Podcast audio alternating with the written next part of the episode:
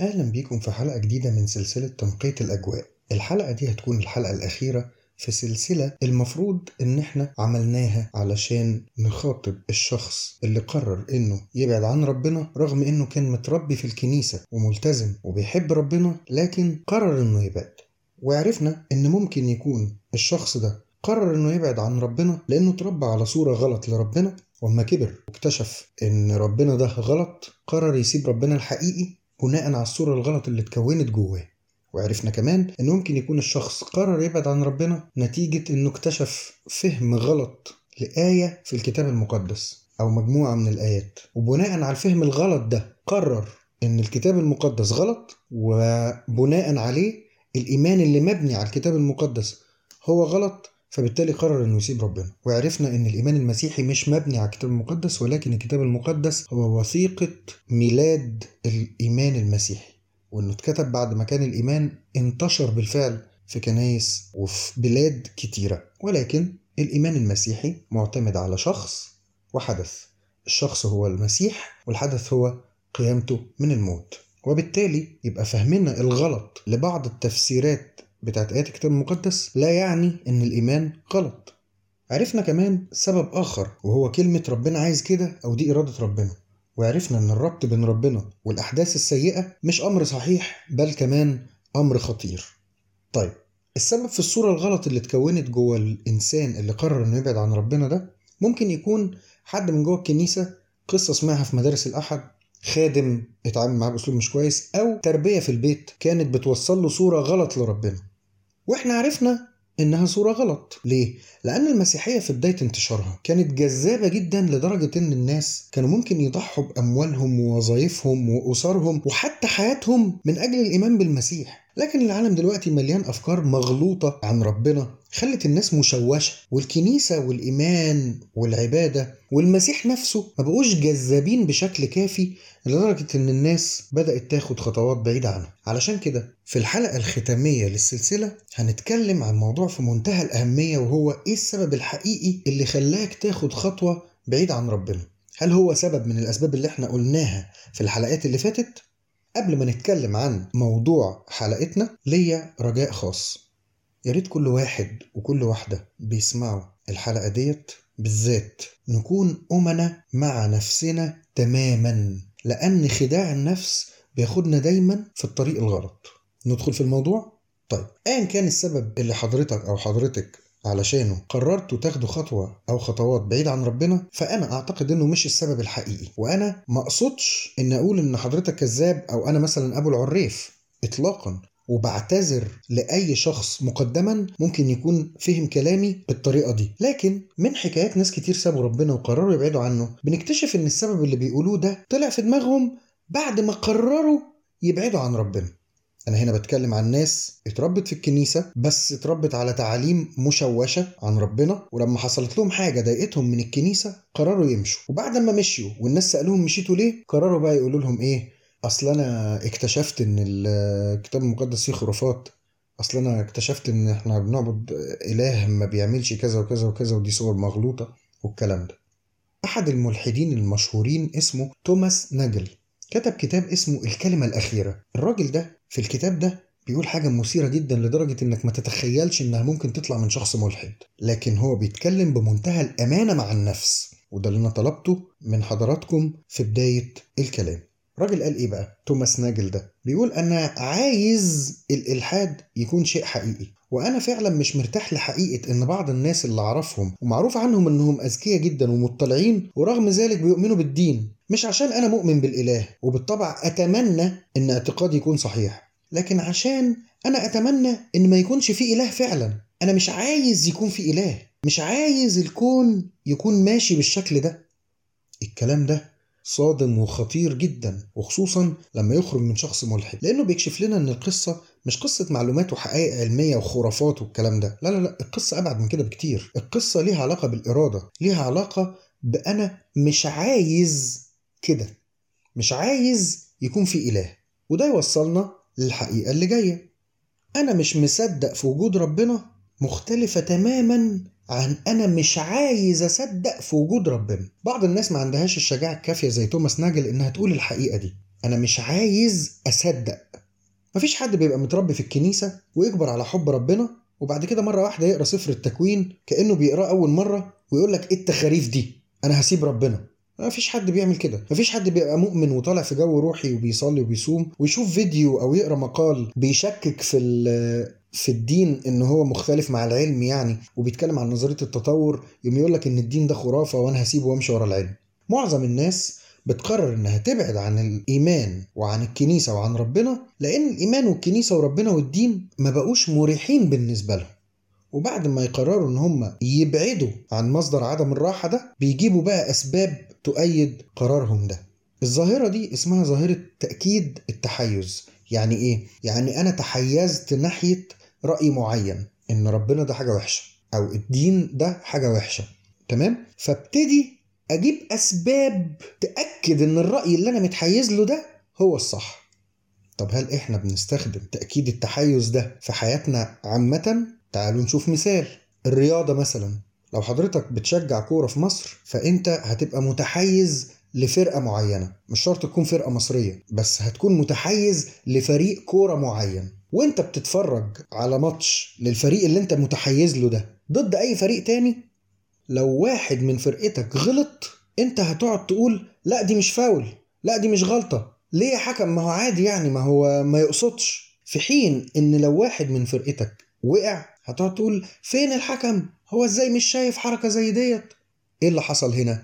تأكيد تحيز. حضرتك متحيز لفريق معين فبالتالي أي حاجة هو بيعملها أنت شايفها صح وأي حاجة هو بيغلط فيها أنت مش شايفها غلط. أنت متحيز له علشان كده بتدور على سبب يؤكد إن تحيزك ليه هو الصح. الفرقة دي ما بتغلطش.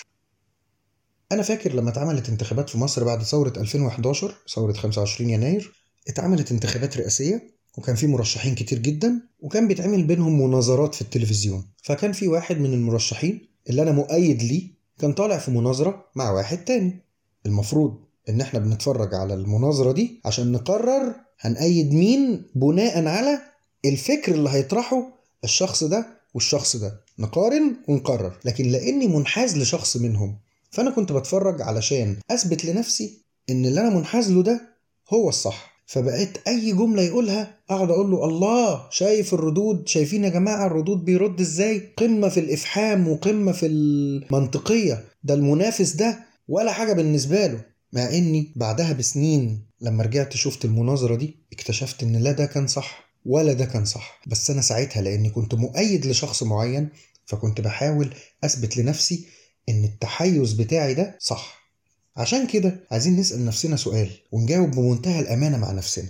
هل قرار بعدك عن ربنا جه في دماغك قبل الأسباب اللي أنت بتقولها؟ اللي هو صور الإله الغلط أو إنك اكتشفت فجأة إن الكتاب المقدس فيه خرافات بعد سنين عمرك أو إن في كلمة ربنا عايز كده وإرادة ربنا فأنت قررت إن ده مفيش ربنا يعني؟ هل الأسباب دي طلعت في دماغك قبل ما تقرر تسيب ربنا ولا بعد ما قررت تسيبه؟ لو الموضوع حاجة متعارضة مع العلم زي مثلا نظرية التطور نبحث في الموضوع ونشوف الكلام الصح. هل فعلا نظرية التطور مثلا بتتعارض مع الدين؟ ونشوف كلام علماء. ولو الموضوع إنك مش مصدق مثلا إن المسيح قام من الموت نبحث في التاريخ ونحاول نوصل للحقيقة لكن القصة مش قصة علم ولا خرافة ولا معلومات مغلوطة. القصة قصة رغبة وإرادة وتحيز. وبصراحة إحنا كلنا مسؤولين عن هذا التحيز سواء كنا خدام في الكنيسة أو ما نعرفش حاجة عن الكنيسة. ليه إحنا مسؤولين؟ ببساطة لأن معظمنا وأنا أول واحد من ساعة ما بنصحى من النوم لحد ما بنرجع ننام تاني مش بندور على الحقيقة إنما بندور على السعادة بندور على الراحة. محدش فينا بيسعى إنه يوصل للحقيقة. علشان كده لو لقينا وجهة نظر معينة تخلينا مرتاحين وفرحانين وسعداء بنقول عليها إن هي دي الحقيقة. ولو لقينا بعد كده وجهة نظر تانية خالص مختلفة عنها تماما بس هتخلينا أكتر سعادة وأكتر راحة هنقاتل علشان نثبت إن هي دي الصح وهي دي الحقيقة وإن التانية دي كانت غلط. تعالوا نفكر فيها كالآتي. وإحنا متفقين إن إحنا واخدين مبدأ الأمانة مع النفس. هل حصل معاك قبل كده إنك دخلت في جدال مع شخص واكتشفت في نص المناقشة انك غلط بس بينك وبين نفسك ومع ذلك قررت تكمل الجدال للآخر وتحاول تثبت إن كلامك هو اللي صح؟ أكيد حصلت معاك ولو مرة واحدة في حياتك. طيب ليه بنكمل؟ عشان إحنا من جوانا مش عايزين نوصل للحقيقة. إحنا كل اللي عايزينه إن إحنا نثبت إن كلامنا هو الصح.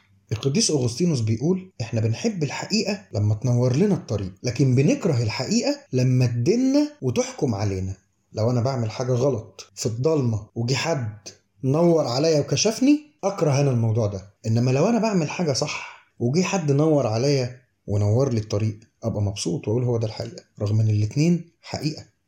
يبقى لو انت اتحطيت في موقف انك مش عايز تعترف ان ربنا ده حقيقي وموجود لانك مش عايز تتحمل الآثار المترتبة على الاعتراف ده يبقى الموضوع أكبر من مجرد حقائق علمية وخرافات ومعلومات مغلوطة. يبقى فيه انحياز. نيجي بقى للسبب الحقيقي اللي علشانه اتعملت السلسلة دي كلها واللي بسببه أنا وأنت وحضرتك وحضرتك والبشرية كلها من بداية الخليقة خدت قرار إنها تبعد عن ربنا بشكل أو بآخر. منذ بدء الخليقة وحتى الآن أي حد خد قرار إنه ما يعترفش بوجود ربنا أو يبعد عن ربنا فالسبب الحقيقي هو لو أنا قبلت ربنا يبقى أنا كمان بقبل معاه تحمل المسؤولية. ببساطة مفيش ربنا مفيش مسؤولية. كل واحد فينا بدرجة أو بأخرى بيحس إن المسؤولية وتحمل المسؤولية هي قيود بتقيد حريته وبالتالي بعد صراع مع هذه القيود المزعومة اللي هي في دماغك بتقرر إنك تنكر وجود الإله علشان توصل للحرية. وتحرر نفسك من تحمل المسؤولية وتعيش حياتك كما يجب أن تكون من وجهة نظرك. منذ بداية الخليقة ربنا إدى آدم وحواء مسؤولية وإداهم مع المسؤولية أو قبل المسؤولية كمان إداهم عطايا أكتر بكتير مما يحلموا. وزي ما إحنا عارفين مفيش هدية أو عطية أو منحة بدون مسؤولية. يعني إيه؟ سيبك بقى من ربنا وسيبك من الدين وسيبك من الكلام ده كله. لو أنت مثلا بتاخد منحة تعليمية في الجامعة على حساب الجامعة. يعني الجامعة بتدفع لك مصاريف منحة تعليمية أنت بتدرسها جوه الجامعة. بتدرس ببلاش. إيه المطلوب منك؟ إنك تحقق تقدير معين في آخر السنة عشان تفضل بتاخد المنحة دي للسنين اللي بعد كده. دي المسؤولية اللي عليك. لو أنت ما حققتش التقدير ده مينيمم مش هيدفعوا لك تمن المنحة في السنة اللي جاية. يبقى المنحة دي أو العطية دي قصادها مسؤولية إنك تذاكر وتجيب تقدير. ربنا عمل كده بالظبط مع آدم وحواء ومع البشرية كلها على مر التاريخ لأن الحياة من غير مسؤولية ما تنفعش سواء في ربنا أو مفيش أو في دين أو مفيش أبسط حاجة الإنسان بيعملها وبيعلمها لولاده في التربية إنه بيحاول يعلمهم تحمل المسؤولية وبيتضايق لو شافهم مهملين أو مش مسؤولين عن تصرفاتهم. يبقى ربنا ما غلطش لما خلى مع العطية مسؤولية. الموضوع كمان ملوش علاقة بالعطية. ممكن تكون المسؤولية دي ليها تمن بيدفع. زي مثلا إيه؟ شغلك. لو أنت في شغلك بتشتغل في منصب أعلى مدير حاجة معينة مثلا وتحتك ناس بتاخد مرتب أعلى. المرتب ده مش منحة كده من الشغل يعني انت مش صعبان عليهم فبتديهم فبيدوك مرتب. لا ده مقابل لتحملك المسؤولية. ولو في غلطة حصلت في الشغل حتى ولو من حد تحتك انت اللي في الوش انت اللي مسؤول انت اللي هتتسأل على الغلطة دي وهيتخصم منك. يبقى المسؤولية قصادها تمن أو قصادها منحة أنت بتاخدها. المنحة لازم قصادها مسؤولية. هي دي الحياة. والدنيا كلها ماشية كده بعيد عن ربنا وبعيد عن الدين. أكتر حاجة بيقولوها الناس الملحدين عن ربنا إنه ليه ربنا بيبعت الناس للجحيم؟ ربنا مش بيبعت حد للجحيم. المرة الوحيدة اللي ربنا بعت فيها حد بعت ابنه للعالم عشان ينقذ الناس من الجحيم. تعالوا نفكر فيها بمثال بسيط كده. تخيل لو حضرتك رحت البحر وكان في راجل واقف كده بتاع إنقاذ وهو مسؤول عن إنك تنزل بحر أو ما تنزلش وجي قال لك ما تنزلش البحر النهارده لأن البحر مش مستقر والموج عالي وفي سحب. وأنت طنشته وقررت إنك تنزل وبعدها حسيت إن البحر بيسحبك وأنت مش عارف تتصرف. فالراجل ده من مسؤوليته من إحساسه بالمسؤولية قرر إنه ينزل ينقذك. أنت بقى لما لقيته جاي عليك عشان ينقذك بدأت تبعد وكل ما يمد لك إيده تحوشها وتقول له أنا مش عايزك.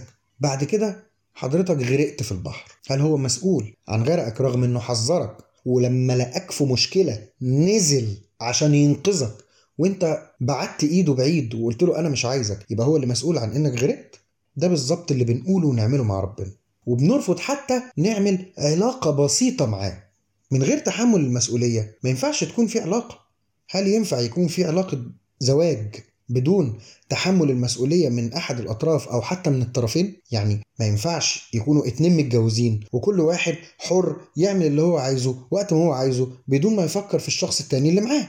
دي كده ما تتسماش علاقة. وده اللي آدم وحواء كانوا عايزينه في علاقتهم بربنا. عايزين ياخدوا ميزة العلاقة من غير تحمل مسؤولية العلاقة. وببساطة ما كانش ينفع. مش عشان ربنا عايز منهم حاجة لكن لأن عدم تحمل المسؤولية مش هينفعهم. بالعكس هيسبب لهم ضرر. فكر فيها كده. تخيل إن أنت عندك ابنك أو بنتك وإنهم غير مسؤولين عن تصرفاتهم وماشيين يعملوا اللي هم عايزينه في الوقت اللي هم عايزينه وبالطريقة اللي هم عايزينه ومفيش لا قوانين ولا أي حد يقدر يحاسبهم ولا أي حاجة. هل ده كويس بالنسبة لهم؟ أنت هتبقى مبسوط لهم؟ أعتقد إن الإجابة لأ.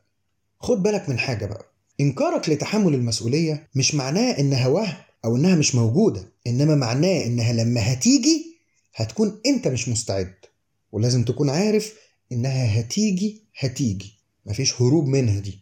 طيب هل العلاقة مع ربنا قيود ومسؤوليات بس؟ الحقيقة الإجابة لأ. زي أي علاقة بيبقى فيه مسؤولية وكمان بيبقى فيه مميزات. والعلاقة مع ربنا فيها مميزات كتيرة جدا. أهم ميزة في العلاقة مع ربنا هي إنك بتحصل على سلام داخلي بتحصل على غفران وبتحصل على مساعدة. ربنا مش بس بعت ابنه عشان ينقذ العالم. ده بعت روحه القدوس عشان يسكن جواك ويشتغل معاك زي المدرس الخصوصي.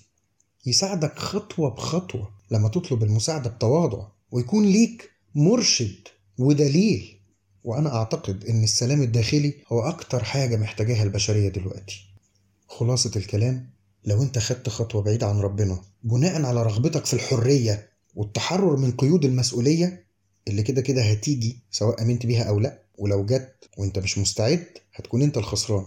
فلو أنت خدت خطوة بعيدة عن ربنا عشان عايز تتحرر من المسؤوليات أو لو أنت بعد ما خدت قرار البعد عن ربنا وعن الكنيسة اخترت سبب من الأسباب اللي قلناها في الحلقات اللي فاتت عشان تثبت إن وجهة نظرك صح أنا بطلب منك هنا خليك أمين مع نفسك.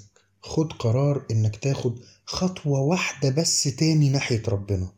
أي خطوة ولو صغيرة. مش بقولك انزل احضر قداسات بقى ولا صوم انقطاعي ولا انزل احضر تسبيحة كل يوم. خالص. خطوة ولو بسيطة. صلاة عتاب بسيطة جدا بينك وبينه.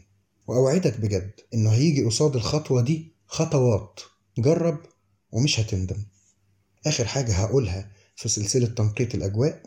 طبعا باين من السلسلة إن الكلام موجه أكتر للناس اللي قررت تبعد عن ربنا بعد ما كانت مع ربنا. ده مش معناه إن الناس اللي مش مؤمنة بربنا أصلا دول ناس غوغائيين أو عشوائيين. إحنا نعرف مجتمعات كاملة مش بتعبد ربنا خالص بس فيها قواعد ونظام وأخلاق. لكن الكلام للناس اللي كانت مع ربنا وقررت تسيبه عشان حاسين بقيود وبرروا ده بأسباب واهية ملهاش علاقة بالدين زي العلم والخرافات والحاجات دي. فأنا بحاول أقول لكم إن العلم والإيمان مش بيتعارضوا مع بعض إطلاقا لكن بيكملوا بعض. وصحيح الناس اللي مش عايشين مع ربنا أو ما يعرفوش ربنا ممكن يكونوا منظمين وعندهم أخلاق وقواعد لكن ناقصهم المميزات اللي موجودة في العلاقة مع ربنا واللي مش هتلاقيها في أي حياة خالية من وجود ربنا.